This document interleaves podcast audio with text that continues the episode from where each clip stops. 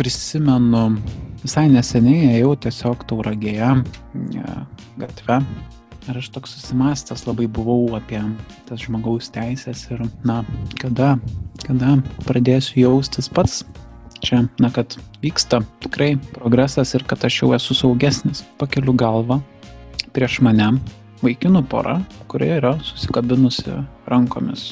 Ir, na, kadangi vaizdas vis dėlto provincijos mieste, tai nėra, na, nežinau, įprastas vaizdas, ar ne, ta, tam reikia labai daug, nežinau, drąsos.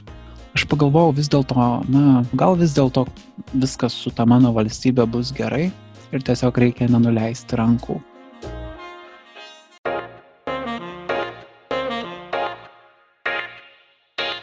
Manau, kad... Ką turėjau omeny? Ar jūs negalvojate? Aš manau, kad tokių dalykų iš vis Aš negali. viso nesuprantu, ką Iš turėjau. viską šneki. Nu tikrai ne. Ką turėjau omeny?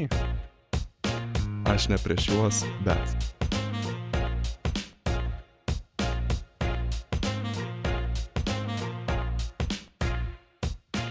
Sveiki visi Start FM radio klausytojai, su jumis universiteto LGBT plus grupės laida, aš ne prieš juos, bet. Šiandien su jumis sveikinuosi aš, Ernesta e, ir mano kolegė Ada. Sveiki. Ir šiandien mes kalbinsim um, žurnalistą ir LGBT plus teisų aktyvistą Joną Valai. Tai sveikas. Labas. Nežinau, pristačiau tave kaip e, žurnalistą ir LGBT teisų aktyvistą, bet gal pats kitaip noriu, kad tave pristatytum ir kaip pats dažniausiai prisistatai. Um, na, tai čia toks įdomus klausimas. Aš uh, vieniems žmonėms esu tradicinių vertybių griovėjas, einantis kūjų per šeimas.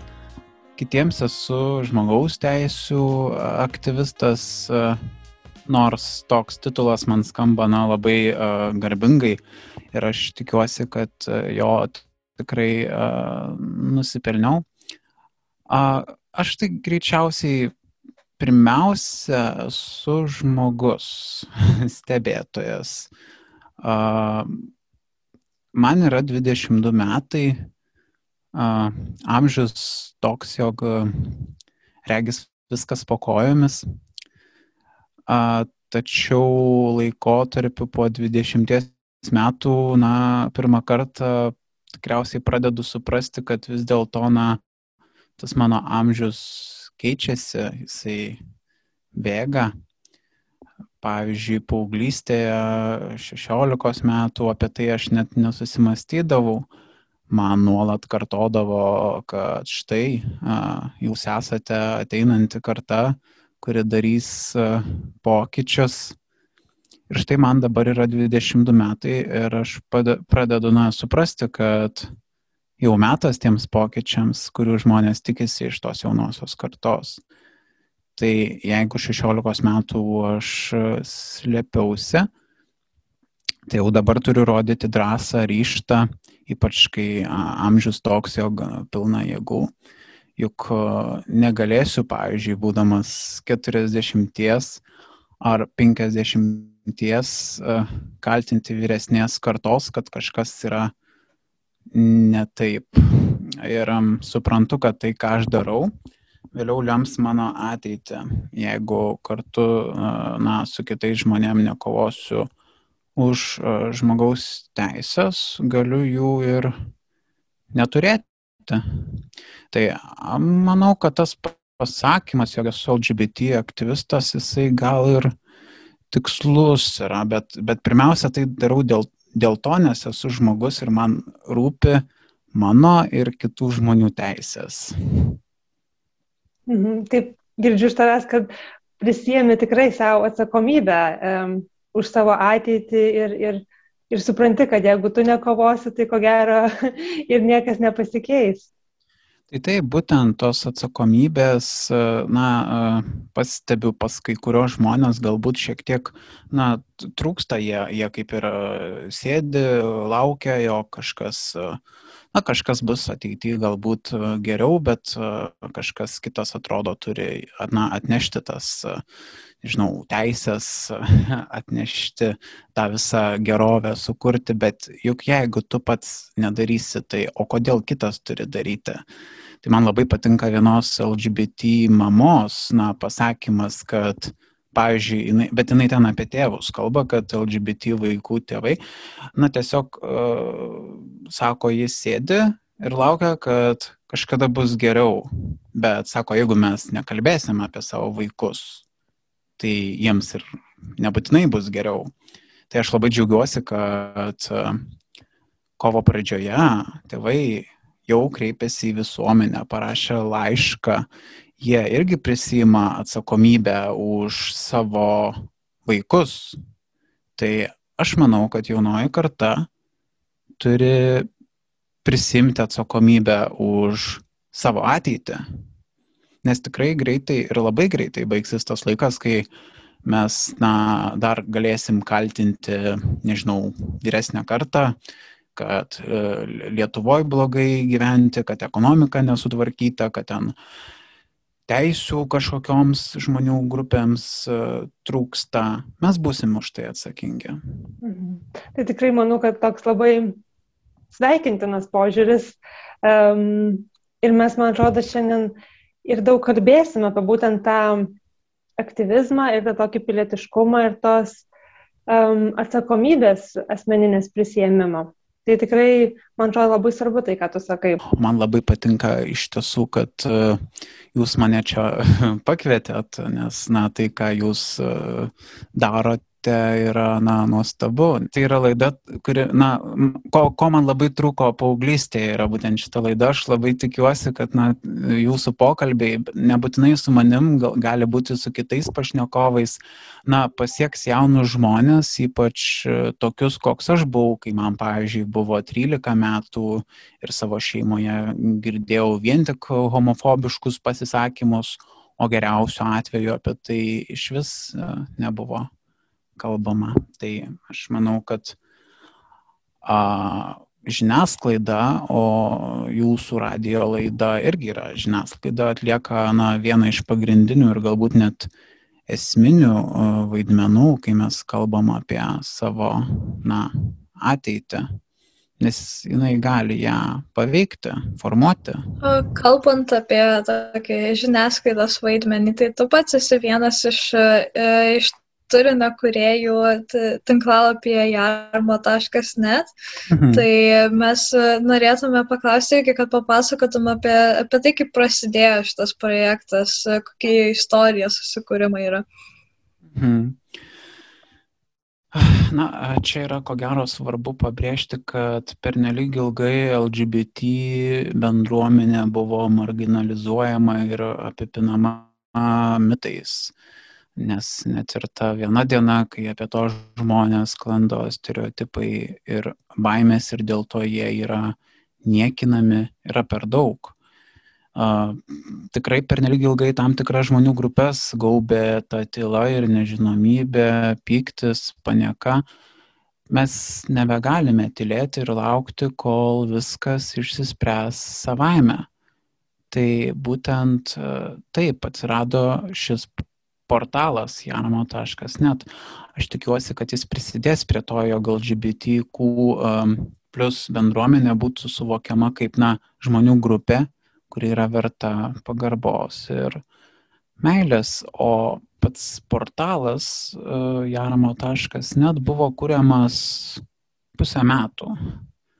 Aš pamenu praėjusiu metu vasaros pabaigoje turbūt man ir užgimė ta idėja sukurti žiniasklaidos priemonę, kuri stoja pirmiausia į žmogaus teisų pusę ir yra iš vien su LGBT na, ta visuomenės grupe.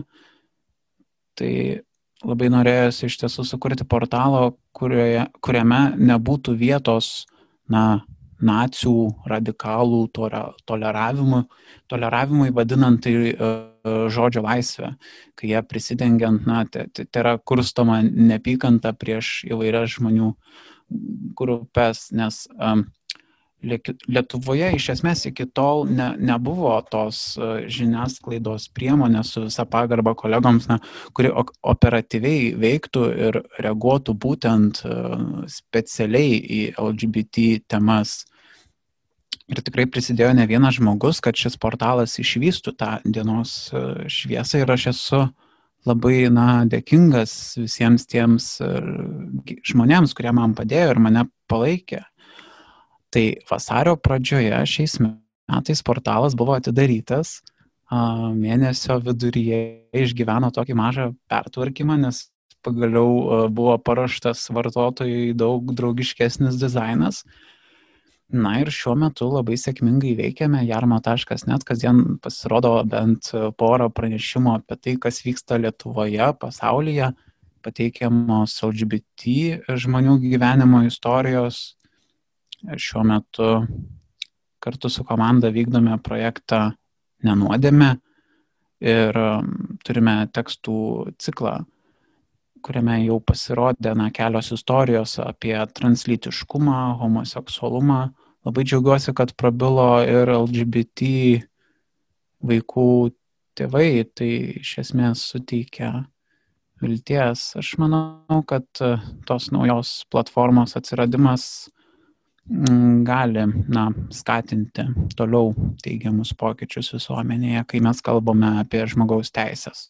Mes irgi iš tikrųjų organizacijoje vis pasidžiaugiam uh, tokiu šitos um, svetainės produktivumu ir visą laiką, nu, taip stebimės, kaip, kaip reikia atrasti tiek daug laiko, nes vis tiek kelis straipsniai į dieną nėra tiek, tiek mažai, ypač jeigu dirba prie to uh, na, kaip spėjau, nedidelė komanda, tai, tai, tai tikrai yra pagirtina.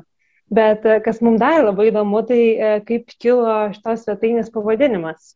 Jarmo, verčiant iš lotynų kalbos, yra palaimintas tarp dievų.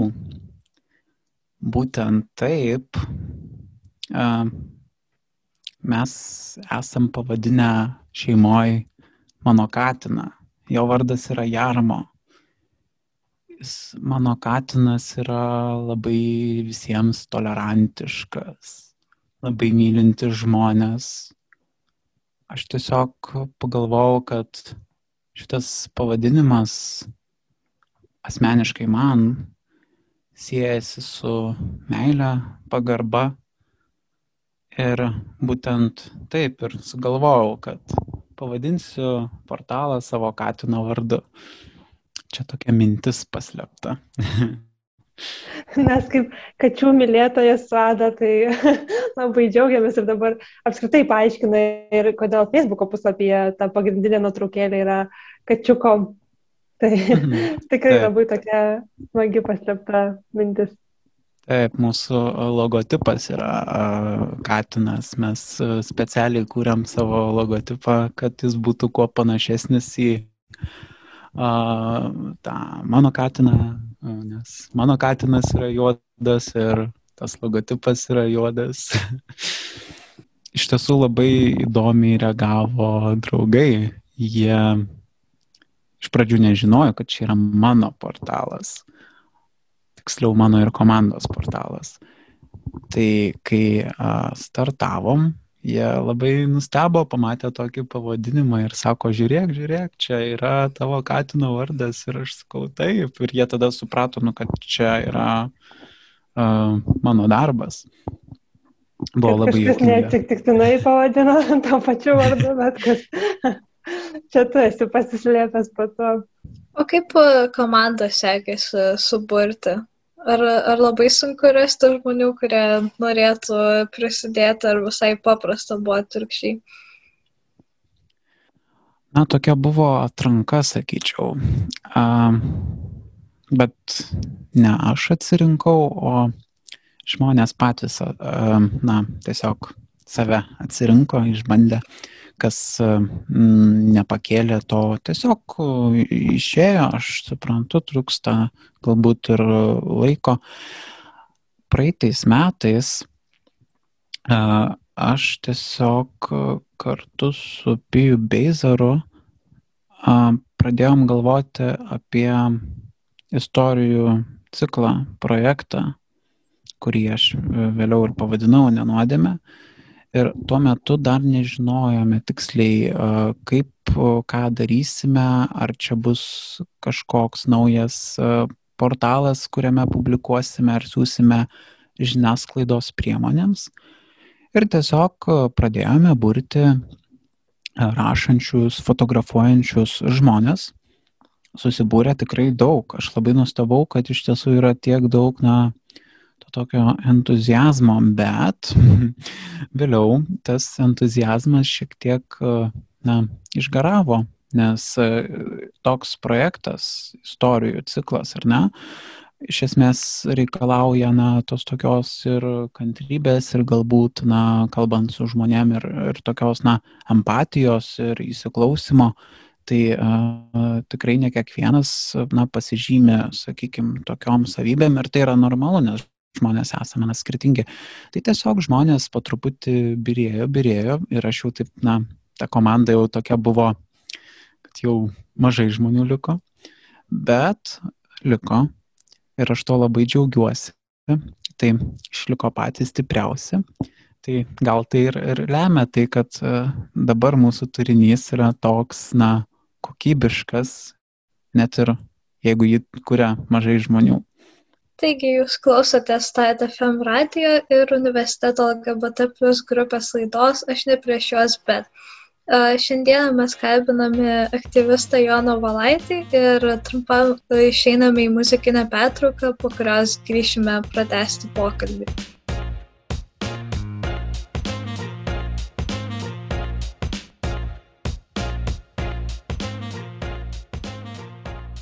Jei norite pirmieji išgirsti mūsų laidų įrašus bei padėti mums aukti ir tobulėti, kviečiame mus paremti Patreon platformoje patreon.com pasvirasis brūkšnys universiteto apatinis brūkšnys LGBT.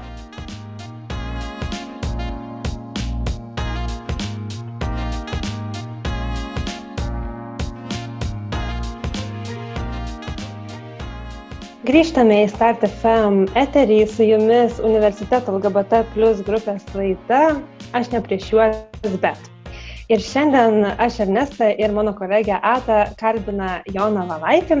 Ir prieš pertrauką mes iš tikrųjų nemažai kalbėjome apskritai apie, tą, apie tai, ką tu veiki gyvenime ir apskritai tavo požiūrį į aktyvizmą.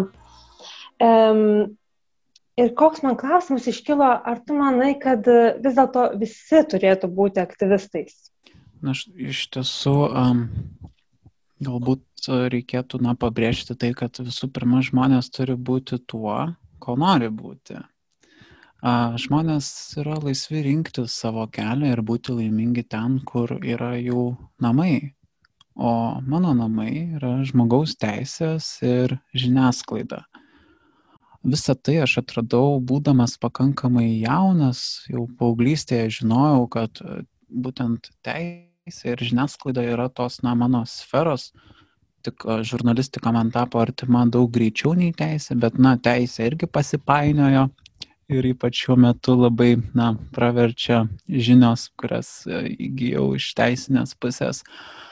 A, tai grįžtant prie to klausimo, aš vis tik manau, kad um, kaip ir minėjau, kiekvienas gali būti tuo, ko nori būti, gali būti stebėtojas, gali būti kovotojas, bet tik manau, ne, kiekvienam yra svarbu prisiminti uh, vieno nu, filosofo, gaila dabar neprisimenu kokio, uh, frazę, kad uh, blogis triumfuoja tada, kai geri žmonės nieko nedaro. Uh, per nelik ilgai Lietuvoje žmonės iš tiesų natilėjo, kai buvo uh, talžoma diskriminaciniais įstatymais ir ribojimais LGBT bendruomenė. Turime nuolat savęs klausti, ką mes, būdami toje vietoje, kurioje esame, galime padaryti, kad pasaulis iš esmės taptų tiesiog geresnė vieta su savo žiniom. A, blogis yra galingas ir jisai nemiega, nuolat reikia saugoti ir būdėti prie žmogaus teisės teisų sargybos, kad niekas nesikėsintų į, na, tas mūsų teisės ir jų netimtų, nes tai liečia absoliučiai kiekvieną žmogų. Um, jeigu kyla grėsmė, aš manau, kad um, neturėtų vis dėlto likti stebėtojų. Reikėtų susitelkimo, nes, kaip ir minėjau, per nelik ilgai Lietuvoje žmonės tiesiog tylėjo. Metas veikti, kad mūsų šalis na, būtų geresnė vieta gyventi. O Aš tikrai tu... sutinku su tavim, Ada pertrauks dabar, bet uh, tu minėjai grėsmę teisėms ir dabar, na, tradiciniams šeimoms, bent jau kai kuriems jų atstovams, Aha. atrodo, kad jų teisėms e, kyla kažkokia grėsmė. Tai kaip į tai žiūri? Čia toks gilus atodusis iš tiesų. Tai pradėkim nuo to, kad Labai blogai, kad jiems taip atrodo. Reikėtų paklausti tiem žmonėms savęs, kad, na, o kokios teisės mano nukentės, jeigu kitas žmogus, kuris myli dar kažkokį žmogų, galės, pavyzdžiui, su juo įteisinti partnerystę. Arba, o kokios mano kaip žmogaus teisės nukentės, jeigu bus ratifikuota Stambulo konvencija sauganti moteris nuo smurto.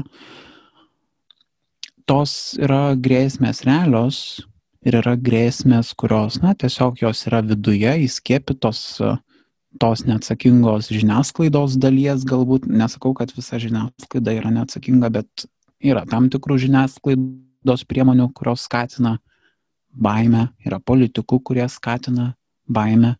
Natūralu, kad um, tam tikri žmonės, na, patikė tuo melu, um, susipriešina tarpusavyje.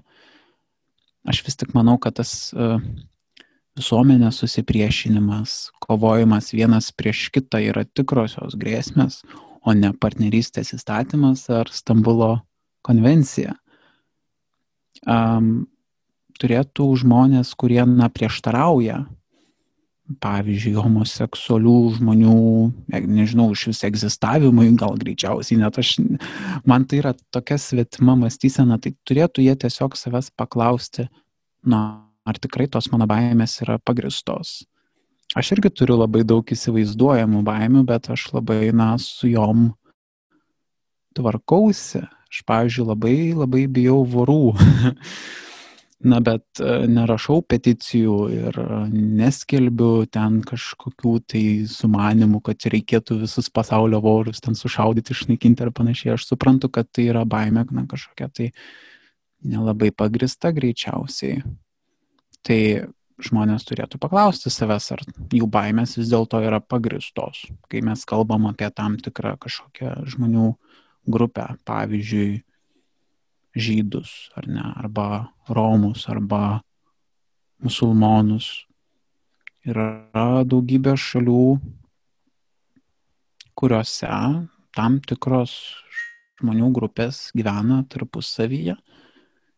Ir, na, nepasakyčiau, kad jie labai pjaunasi tarpusavyje arba kad jeigu kažkokioj šalyje atsiranda galimybė įteisinti partnerystę homoseksualiems žmonėms, tai, kad subyra ten iš karto iš šaly šeimos. Tai yra tiesiog nerimti argumentai mano galva. Nes, pažiūrėjau, mano argumentai tai yra gana rimti. Žmonės dėl diskriminacijos, na, tiesiog susiduria su daugybė teisinių kliučių, nes negali dabar sudaryti santokos arba partnerystės. Yra užpuolami gatvėse, Ar jūs, pavyzdžiui, girdėjot nors vieną istoriją, kad, nežinau, koks homoseksualus žmogus užpultų tradicinių vertybių gynėjai. Aš manau, tai yra tiesiog. Visko būna. Na, taip, bet, bet, bet atsižvelgiant į tendencijas, tai daug didesnė tikimybė ir, ir tikrai nekarta jau dėja taip mūsų šalyje yra atsitikę, kad vis dėlto tradicinių vertybių tariamas gynėjas labiau puola homoseksualius žmonės. Aš tikiu, kad e, kitoj pusėje esantys žmonės irgi taip pat e, rimtai galvoja, kad jų argumentai irgi yra labai stiprus ir labai pagristi, bet, bet tikrai suprantu, kad, e, kad bent jau esant mūsų pusėje tikrai kartais to kritiš, kritiško mąstymo uh, ir šiek tiek pažiūrėjimo į situaciją kitų kampų tikrai, tikrai labai trūksta. Taip, aš tiesiog norėjau labai pritarti tai minčiai, kad kritinis mąstymas šituo atveju yra labai svarbus. Dažnai na, kažkokius tai argumentus, ar ne, šitose ypač jautriose diskusijose iš esmės lemia ne kritinis mąstymas, o tiesiog emocijos. Na, mes esame žmonės, emocingi padarai, bet jeigu mes išjungtumėm savo emocijas ir pradėtumėm kalbėti racionaliai, ar ne, na, iš tiesų aš nemanau, kad mes galėtumėm išvelgti labai kaip ir minėjau, didelių kažkokių grėsmių išskirtinėse kažkokiose žmonių grupėse, kaip musulmonuose, ten Romuose, žydose ar ten LGBT asmenų grupiai. Labai teisinga mintis, kad visos, visko būna, visko pasitaiko, ar net tai ir visose žmonių grupėse, na, pasitaiko visokių bet nu, nereikėtų greičiausiai uždėti tos etiketės vien dėl priklausimo kažką, na, vien dėl priklausimo, vien dėl tapatybės, ar ne, nereikėtų uždėti tos etiketės, kad tu esi grėsmė tradicinėms vertybėms. Tiesiog nerimtai skamba. Tikrai taip, ir tu paminėjai emocijas, bet man atrodo, kartais čia ne tiek emocijos sužaidžia, kiek apskritai principai. Ir, ir tam žmogui gal net nėra tiek tai svarbu, bet nenoras nusileisti savo principam kartais tikrai gali pamaišyti koją. Ir tu anksčiau buvai užsiminęs apie Stambulo konvenciją ir mes visi žinome, sekam, kad čia labai daug įvairių skandalų kilo dėl, dėl ratifikavimo, daug kalbų visokių yra. Tai uh, mes, mes labai norėtume irgi paklausti, ką tu galvoji apie tai, kas yra pilietiškumas, kas yra pilietiška Lietuvos visuomenė, kadangi uh, tiek, tiek žmonės, kurie yra prieš konvenciją, tiek už konvenciją labai aktyviai reiškiasi politiškai. Tai, pavyzdžiui, ar gali būti, kad tai yra toksai tokia lasda, kuri turi du galus, ar, ar pilietiškumas visada geras, ar, ar yra ir blogų jo, jo pokyčių tokių. Mm -hmm. Tai greičiausiai turim atskirti a, labai griežtai tam tikrus dalykus. Aš vis dėlto tų diskusijų, kurios dabar vyksta, ar ne, nevadinčiau pilietin, pilietiškumo išraišką. Aš tai labiau vadinčiau susiskaldimu. Mano galva, pilietinis pats aktyvumas yra tada, kai tau rūpi aplinka ir ta bendruomenė, kurioje tu na, gyveni.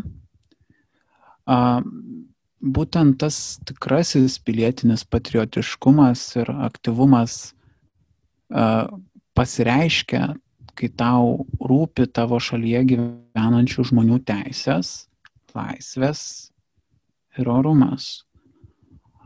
Mes esame labai jauna demokratija kaip šalis ir dar tik mokomės to pilietinio tikrojo aktyvumo, to tikrojo pilietinio patriotiškumo.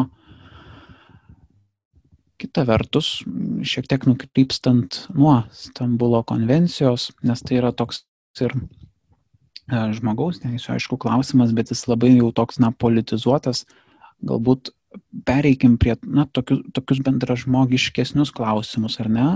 Pavyzdžiui, tai, kas anksčiau buvo norma, dabar yra vis mažiau toleruojama.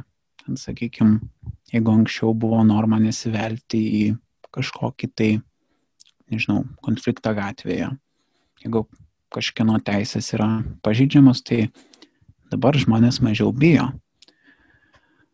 Man, pavyzdžiui, asmeniškai labai įsiminė vienas įvykis, vėliau nuskambėjęs e, ir plačiai žiniasklaidoje, o aš apie jį sužinojau vienas iš pirmųjų, nes tas žmogus, kuris į tą įvykį sureagavo, tiesiog buvo mano Facebook'o drauguose ir aš tiesiog, na, pamačiau iš karto jo pasidalintų vaizdo įrašų apie tai, kaip apsauginis muša benami uždarytą tolete. Tai jaunas vaikinas nepabūgo įsivelti, vis dėlto jis atvėrė duris, nufilmavo, parduotuvės darbuotojai jam grasino teismais, kad esą filmuoti negalima, bet jis vis tiek iškvietė policiją ir jis vis tiek apgynė tą, na, sumuštą žmogų. Tai reiškia, kad jam rūpėjo kito žmogaus gerovė ir tai yra pilietinis aktyvumas. Lietuvoje iš tiesų nemenkas dėmesys yra skiriamas vaikų, skurstančiųjų apsaugai. Žmonės aukoja praktiškai na, savo turtą, atiduoda savo vargstantiesiems, neturintiems ar ne. Tai irgi yra pilietiškumo išraiška. Labai gaila, kad moterų teisų žmonės taip vis dar nėra pasiryžę gin, na, ginti. Nes tiesiog žmonės yra supriešinti tų tariamų grėsmių, kad štai ratifikuos Stambulo konvenciją ir Lietuva praras nepriklausomybę arba kad ten įteisins labai daug lyčių ar panašiai.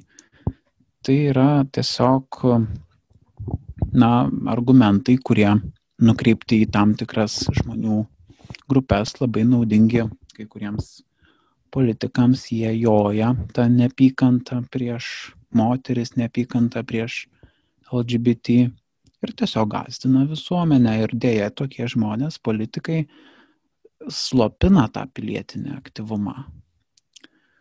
Nereikėtų maišyti pilietiškumo, patriotiškumo su radikaliu nacionalizmu Pirmiausia, tai ne žmogus tarnauja valstybei, o valstybė tarnauja žmogui.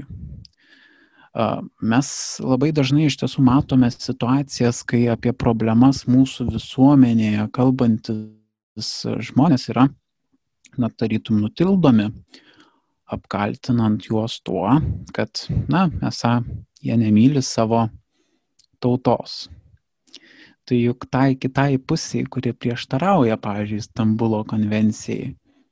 Taigi atrodo, kad LGBT žmonės visiškai nemyli tautos. Jiems atrodo, kad LGBT žmonės naikina tautą.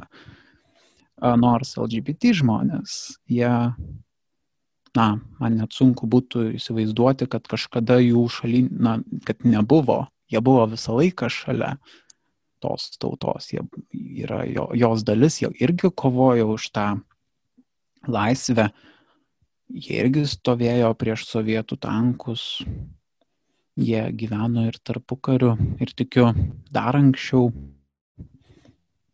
Tai yra tiesiog tokie patys žmonės ir labai gaila, kad tas radikalus nacionalizmas, tas pasakymas, kad mūsų tauta turi būti švari, be jokių tai ten homoseksualų ir lesbių šau.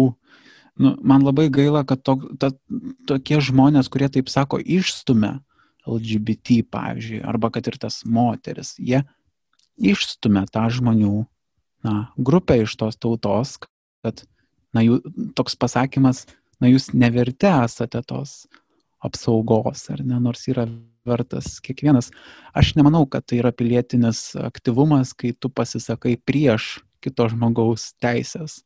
Mes iš tikrųjų praeitoje laidoje su, su daktarė Neviskaitė daug kalbėjom apie tą uh, nacionalizmą ir patriotizmą ir kaip jisai susijęs su LGBT žmonėmis. Tai uh, labai įdomu žiūrėti, kaip uh, LGBT žmonės uh, kaip praranda randa savo šaknis ir tiesiog ne, nebejaučia to tokio prisirišimo prie valstybės, kadangi tas nacionalizmas na, labai mhm. yra stipriai susijęs su, su homofobija.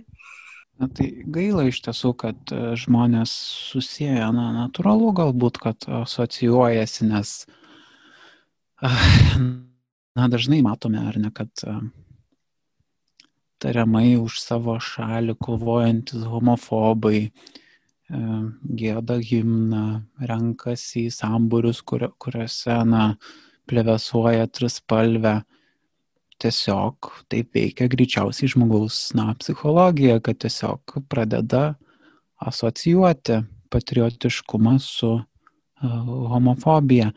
Bet, na, kaip ir minėjau, nacionalizmas neturi nieko, na, tiesiog patriotiškumas ir homofobija neturi nieko bendro. Tai yra tiesiog įvaizdžio homofobų dalis. Taip, bet ko gero labai dėja dėja, bet kartais mhm. um, tos tavokos kartais tikrai persipinam ir, ir nebeaišku, kuo iš tikrųjų žmonės um, tiki. Noriu Jums priminti, kad Jūs klausote Start FM radijo ir su Jumis yra universiteto LGBT plus grupės laida Aš ne prieš juos, bet. Ir po trumpos muzikinės pertraukos mes grįšime į pokalbį su Jonu.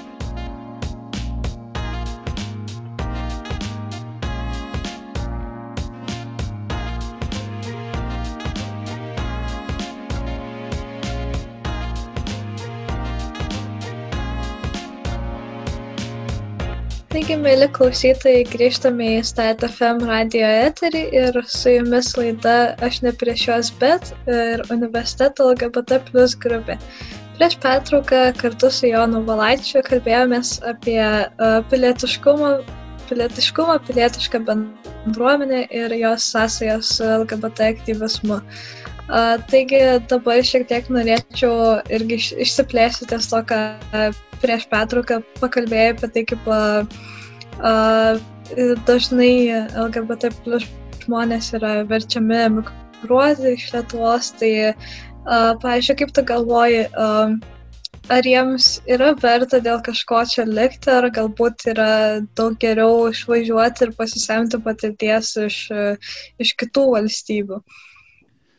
Aš manau, kad viskas yra gerai tiek su tais, kurie lieka, tiek su tais, kurie išvažiuoja. Iš tiesų, um, jaunas žmogus, jisai, na, jaučia tą poreikį pamatyti pasaulį, atrasti.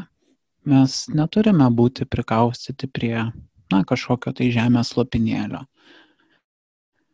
Um, ir iš tiesų išvažiavę į, na, kitą šalį, ar ne, ypatingai į, na, vakarietišką žmogaus teisės gerbiančią, jaunas žmogus iš tiesų gali pamatyti, na, kad gali būti ir kitaip, kad tu gali eiti gatve ir bijoti daug mažiau, kad, kad, e, na, kad tu tiesiog esi saugus, laisvas, kad e, niekas nežiūri į tave kaip į demoną. Ir toks žmogus tada gali pagalvoti, kad, na, kad ir Lietuvoje galėtų tai būti, ar ne? Ir kad vis dėlto galbūt reikėtų, na, stengtis dėl to, kad ir Lietuvoje likę žmonės, ar ne, kažkada pasijaustų lygiai taip pat, kaip jis išvažiavęs į užsienį. Um, dabar kalbant apie tą emigracijos problemą, yra labai, na, gaila iš tiesų, kad Lietuva praranda jaunus žmonės, kurie, na, jeigu mes labai nekalbam apie kažkokius tai moralinius dalykus, tai, na, tai kalbam apie ekonominius, jie tiesiog, mes prarandam milijonus, a, nes išvažiuoja mokesčių mokėtojai, išvažiuoja vartotojai, a, nes juk LGBT žmonės, na, nėra iš kosmoso nusileidę žmonės, jie taip pat dalyvauja ir tose ekonominėse procesuose, jie yra ir specialistai, ir gali būti brangiai kainuojantys specialistai.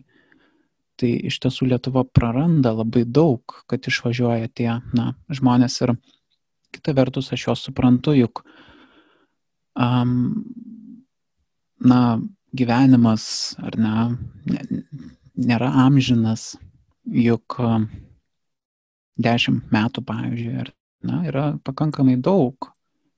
Ir um, Aš suprantu tuos, kurie jaučiasi pernelyg blogai tokioje priešiškoje aplinkoje ir jie tiesiog susikrauna lagaminus ir išvažiuoja, nes tikrai yra emigrantų, kurie išvažiuoja kitą kartą net ne dėl tų ekonominių priežasčių, bet tiesiog dėl to, nes kitose valstybėse jų teisės yra gerbiamos labiau, apsaugoti tie žmonės ten gali labiau jaustis. Geriau. Suprantu ir tuos, kurie lieka.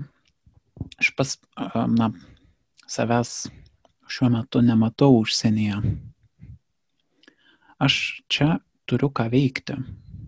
Man yra įdomu likti ir dalyvauti tuose procesuose, kurie, na, lemia kažkokius, na, pokyčius. Juk kažkas tai turi statyti ateities Lietuvą. Aš kaip tik ir žadėjau klausti, ar pats um, sieji savo gyvenimą su Lietuva, ar visgi ir pačiam teko pasvarstyti apie tą emigranto duodą. Bet... Pasvarstyti teko, tai tikrai teko, aišku, mm. labai daug įvairių minčių iš tiesų buvo.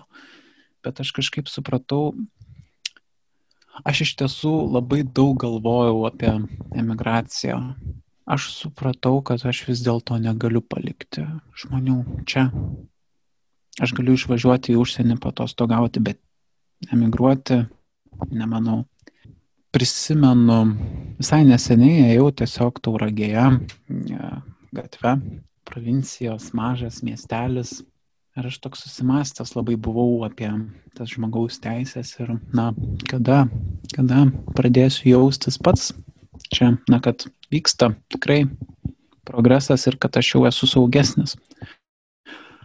Ir aš taip tiesiog einu ir galvoju, kad, na, gaila, jog taip ilgai tie procesai trunka, pakeliu galvą prieš mane vaikinų pora, kurie yra susikabinusi rankomis.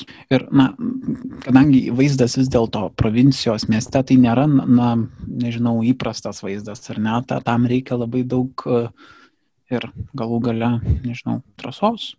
Aš, pasi, aš tiesiog pasižiūrėjau juos ir aš supratau, kad, bet aš ir jų negaliu palikti čia. To, to, tam ne, nepykantos visam, na, katile, kad juos kažkas tai sudraskytų ar panašiai. Aš pagalvojau vis dėlto, na, o gal vis dėlto viskas su ta mano valstybė bus gerai ir tiesiog reikia nenuleisti rankų. Juk žmonės gyvena, kuria, myli, galbūt reikia tiesiog daugiau drąsos. Tikrai taip, ir aš kažkaip šiandien besuraždama laidai um, paskaičiau tavo Facebook'o profilyje porą komentarų ir mačiau, kad kažkas parašė, kad gal tu geriau pasaugok save, nes vis tiek nieko nepakeisi. Um, tai džiugu girdėti, kad tu vis tiek uh, išlaikai tą tokią viltį, kad vis dėlto Lietuva kada nors atrodys um, kur kas kitaip, negu dabar tai yra situacija. Na taip, um, viltis yra varomoji jėga jeigu žinočiau, kad viskas tik blogės ir kad šitoj šaly nėra vilties, tai toj pat tada susikrauščiau, na, lagaminus ir išvažiuočiau. Bet aš kaip ir tikiu, na, daugelis žmonių turime iš esmės, na, viltį, kad, na, mes irgi esame piliečiai, mes irgi kuriam valstybę ir kad bus geriau. Juk mes ties tuo dirbame. Na, negali tai būti, jog kai yra įdėt, įdedama tiek daug darbo, ar ne, kad situacija na, nesikeis. A, tiesiog nesinori palikti to mūšio lauko, nes a, tai, kas vyksta pas, ypač pastaruoju metu viešoje erdvėje, ir kas greičiausiai vyks Seimo pavasario sesijoje, kai bus varstomas partnerystės įstatymas, na, tai tiesiog primena mūšio lauką. Reikia atstovėti. Tikrai taip. Ir aš iš tikrųjų ir beklausydama tavo istorijos apie, apie tą draugą, kuris įkėlė video kaip apsauginis na, muša benami. Ir apskritai, na, mhm. pasigilinus ir tavo veiklą, ir žurnalizmą, natūraliai kyla klausimas, bet kiek tas žurnalizmas um, turi įtakos ir ar ta įtaka visą laiką būna gera, nes mes kažkaip ir su Ada pakalbėjom um, kad visai neseniai, tarkim, ir tą pačią Stambulo konvenciją paėmus, visai neseniai niekas apie ją nekalbėjo ir atrodo, kad visą tą šaršalą užvirė būtent e, žurnalistai ir tos, vat, na, skirtingi požiūriai, kurie, kurie dar labiau mm. jaudina kitus, kurie galbūt prieš tai net nebūtų nieko sakę, um, pasisakyti ir išreikšti savo nuomonę. Tai ką, kaip tu, kaip žurnalistas, manai? Na, žiniasklaidos vaidmuo tokiuose situacijose greičiausiai, na, itin atsiskleidžia. Čia gal kyla nebent klausimas, apie kokią, na, žiniasklaidos priemonę mes kalbėsime. Visuomenė tikrai turi žinoti ir jo, nuo, na, nuo jos ta tiesa neturi būti slepiama ir žurnalistų pareiga yra netgi skatinti tą diskusiją Kita vertus, na tikrai yra labai svarbu investuoti į patį žurnalistų raštingumą.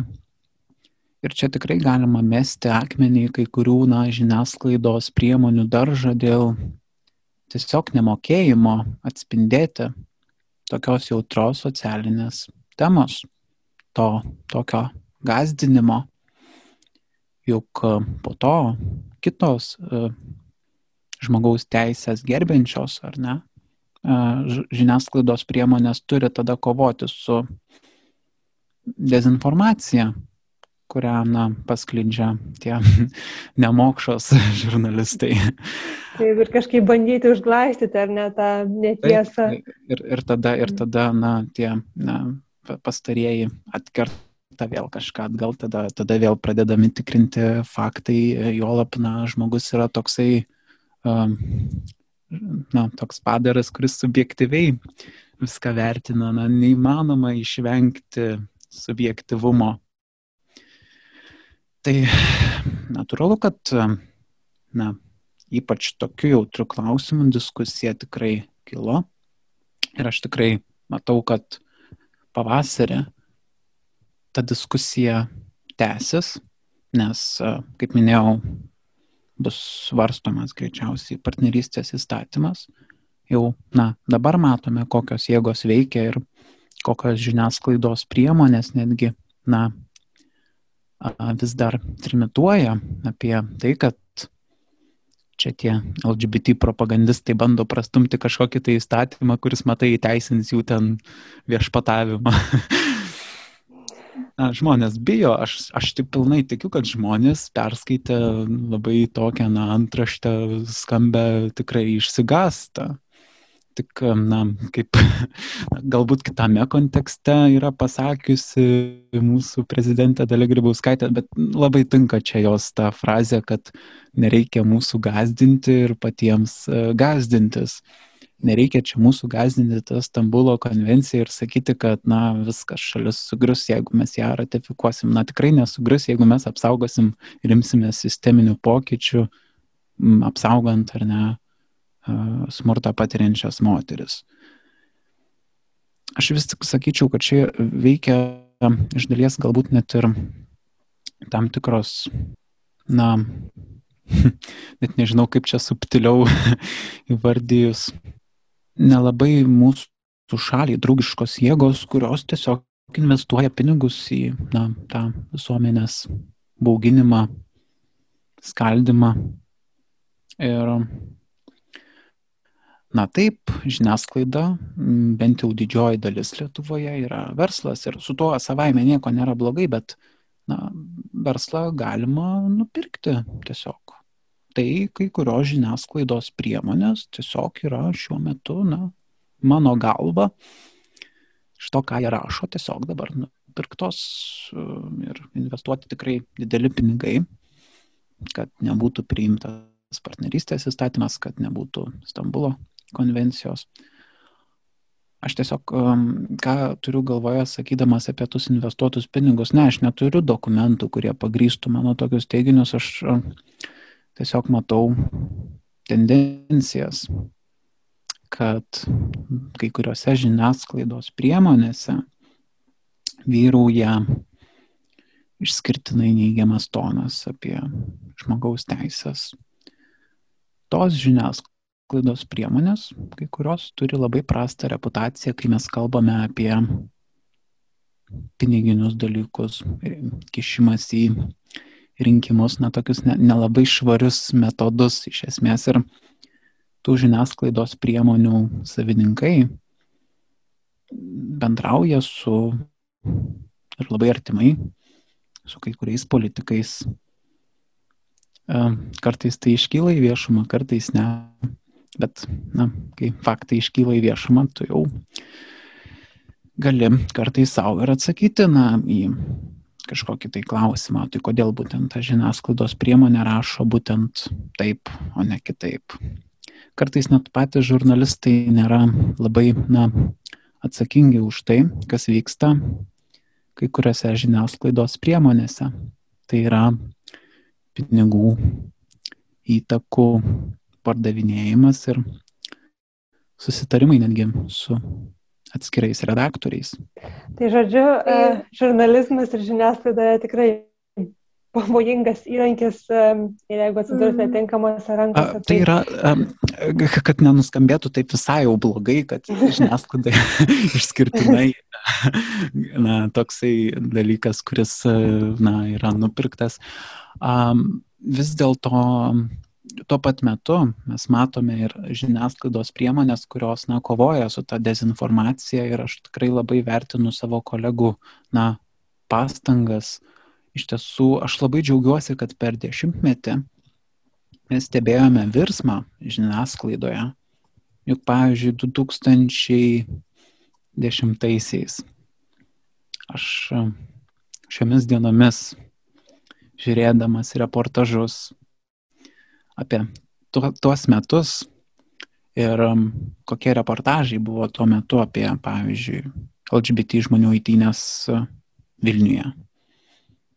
Man tiesiog yra šokas, kad tuo metu žurnalistai taip kalbėjo, kad um, eterija dažniausiai vyravo na, toks homofobiškas tonas, kad um, buvo į, na, išaukštinami homofobiški žmonės, kurie, na, buvo vadinami susirūpinusiais ten piliečiais, kurie ten patriotiškai vat, bando apginti Lietuvą nuo kažkokios tai LGBT invazijos. Dabar mes matome na, priešingą vaizdą, kad žiniasklaidos supratimas smarkiai pasikeitė žmogaus teisų prasme, kad dabar žurnalistai vis tik dažniau yra linkę stoti į žmogaus na, tą apsaugą iš tiesų apie tai, ką aš kalbėjau iš pradžių, na, apie žiniasklaidą ir tas įdas ar ne, tos žiniasklaidos priemonės yra labai, na, tokios, na, visi jas žino ir žmonės žino, kad jos nėra patikimos. Nežino tik tais jau tokie, na, radikalūs skaitytojai galbūt, kurie, na, um, nežinau, jau ten pasirašinėja ten tas peticijas ir, nu, bet jau galbūt net stoja į kažkokias tai organizacijas, kad apginti tą šeimą. Uh, bet iš tiesų uh, aš pasitikiu, na, iš dalies pasitikiu skaitytojais, kad jie vis dėlto, na, irgi turi tam tikrą kritinį mąstymą nepamirškim to, kad pasitikėjimas žiniasklaida yra na, vienas žemiausių, beje, šiuo metu. tai yra ir gerai, ir blogai. blogai tai, kad žmonės, na, taip stipriai linkia nepasitikėti ir vis dėlto, na, žurnalistams tai siunčia kažkokį tai, na, irgi ženklą, ar ne, kad kažkas vyksta ne taip, kaip turėtų. Kita vertus, um, skaitytojas labai kritiškai vertina tekstą, kurį tu rašai. Ir tai yra gerai, nes toks žmogus, na, kritinį mąstymą išsiugdęs turi mažiau šansų pasimauti ant melagienų, pavyzdžiui. Taip, ir ko gero reiktų nepamiršti, kad e, be žiniasklaidos e, kai kurie faktai niekada neiškiltų į viešumą, kuriuos tikrai svarbu būtų visiems žinoti. Tai čia e, dvi medalio pusės ir kaip visur reikia, reikia pasirinkti ir, ir, ir nepamiršti to tokio kritiškumo Tai aš norėčiau tada dar pabaigai vieną klausimą, kuris labai gražiai susisėja su tavo viena mintimi, kurią pasakėjai pradžioje laidos. Tai kad mūsų kartai būtent tenka ta pareiga tokia tos pokyčius padaryti ir iš mūsų visi tikisi to, tai uh, kaip tu galvoji, ar, uh, ar užteks mūsų kartai pasiryžimo, ar, ar mes jau išsiskiriame šitoje srityje ir vis dėlto dar, dar daugiau yra ką padaryti, negu, negu gali atrodyti. Reikia tikėti. Visada reikia tikėti tais gerais pokyčiais. Greičiausiai parodys tik laikas iš tiesų. Šitą kartą, na, jinai ypač na, šiuo metu labai puikiai pradės suprasti, vis dėlto ir jau pradėjo suprasti, koks yra na, trapus vis dėlto pasaulis, siūlomos jo galimybės, kad reikia atsigręžti galbūt labiau vienas į kitą jos laukia tikrai nemenki iššūkiai susidoroti su, na, tokiom globaliniam netgi krizėm, kaip klimato kaita. Kita vertus, aš matau ir fiksuoju ir pats kaip žurnalistas, na, tenka man pačiam kaip žurnalistui dalyvauti protestuose, kuriuose pilna jaunų žmonių, kurie, pavyzdžiui, eina į, na, eidavo į penktadienį už ateitį įtines ir jie ragina na, atkreipti dėmesį vis dėlto, kokia mūsų laukia ateitis. Matau žmonės, kurie na, palaiko įvairių kitų rasių žmonės, ar ne, ir Lietuvoje vyko įtynės. Džiaugiuosi, kad yra mano kartos, na, tokių atstovų, kuriems rūpi žmogaus teisės, kuriems rūpi pasaulis, kuriame jie gyvens. Šita karta nebijo kalbėti ir kalbėti tikrai drąsiom temom. Pavyzdžiui, apie lytinę tapatybę, seksualinę orientaciją. Ši jauna karta tiesiog yra daug atviresnė ir tai normalu, natūralu, nes mes užaugome tokioj daug laisvesniai aplinkoj negu augo mūsų seneliai ir tėvai. Jie patyrė na, kitas uh, grėsmės, matė uh, kitokius elgesio mod, modelius ar ne ir pagal juos gyvenome. Mūsų tiesiog yra patirtis kitokia. Na, tai mes tikrai skiriamės nuo savo senelių ir nuo savo tėvų. Aš vis tik sulinkęs tikėti, kad žmonės savo prigimtim yra geri, kad daugiau pasaulyje ir Lietuvoje yra gerų žmonių nei blogų. Na, sako, ne, nėra blogų žmonių ar ne, bet vis dėlto, na, tiesiog. Mano galva vis tik yra. jie tiesiog labai nelaimingi žmonės, jie užaugo tokie. Na, jos išugdė kažkas blogai žmonėm, ar ne? Bet vis dėlto daug daugiau, na, tikiuosi, yra išugdytų gerų žmonių, kurie yra pakankamai sąmoningi ir leis savo gyventi laisvoji valstybėje, o ne užsikals duris, na, langus ir saugosi Stambulo konvencijos. Tikrai taip. Tai viltis, žodžiu, dar neprarasta. ir apskritai, kadangi šita mūsų laida išeis į eterį kovo 11, tai, tai galbūt ir dėl to mūsų tas pokalbis pasisuko tokia pilietiškumo ir aktyvizmo tema.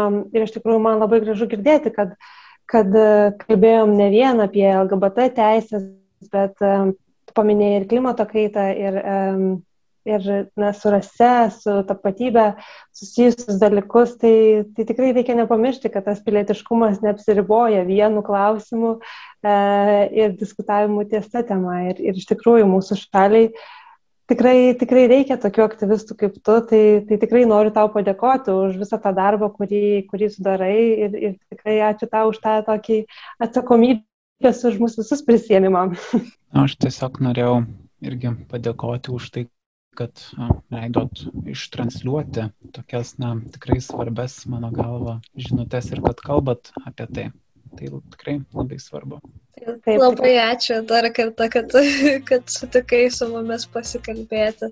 Taigi, čia yra Start FM radijas ir universiteto LGBT plus grupės laida Aš ne prieš juos, bet Jono Valaitį kalbinau aš, Ada ir mano kolegė Ernesta. Labai norime jūs paraginti mus sekti socialinėse tinkluose dėl naujienų tokių ir panašių. Ir jeigu norite mus paremti uh, naujiems projektams, tai galite padaryti mūsų Patreon paskyroje. Iki susitikimo po dviejų savaičių.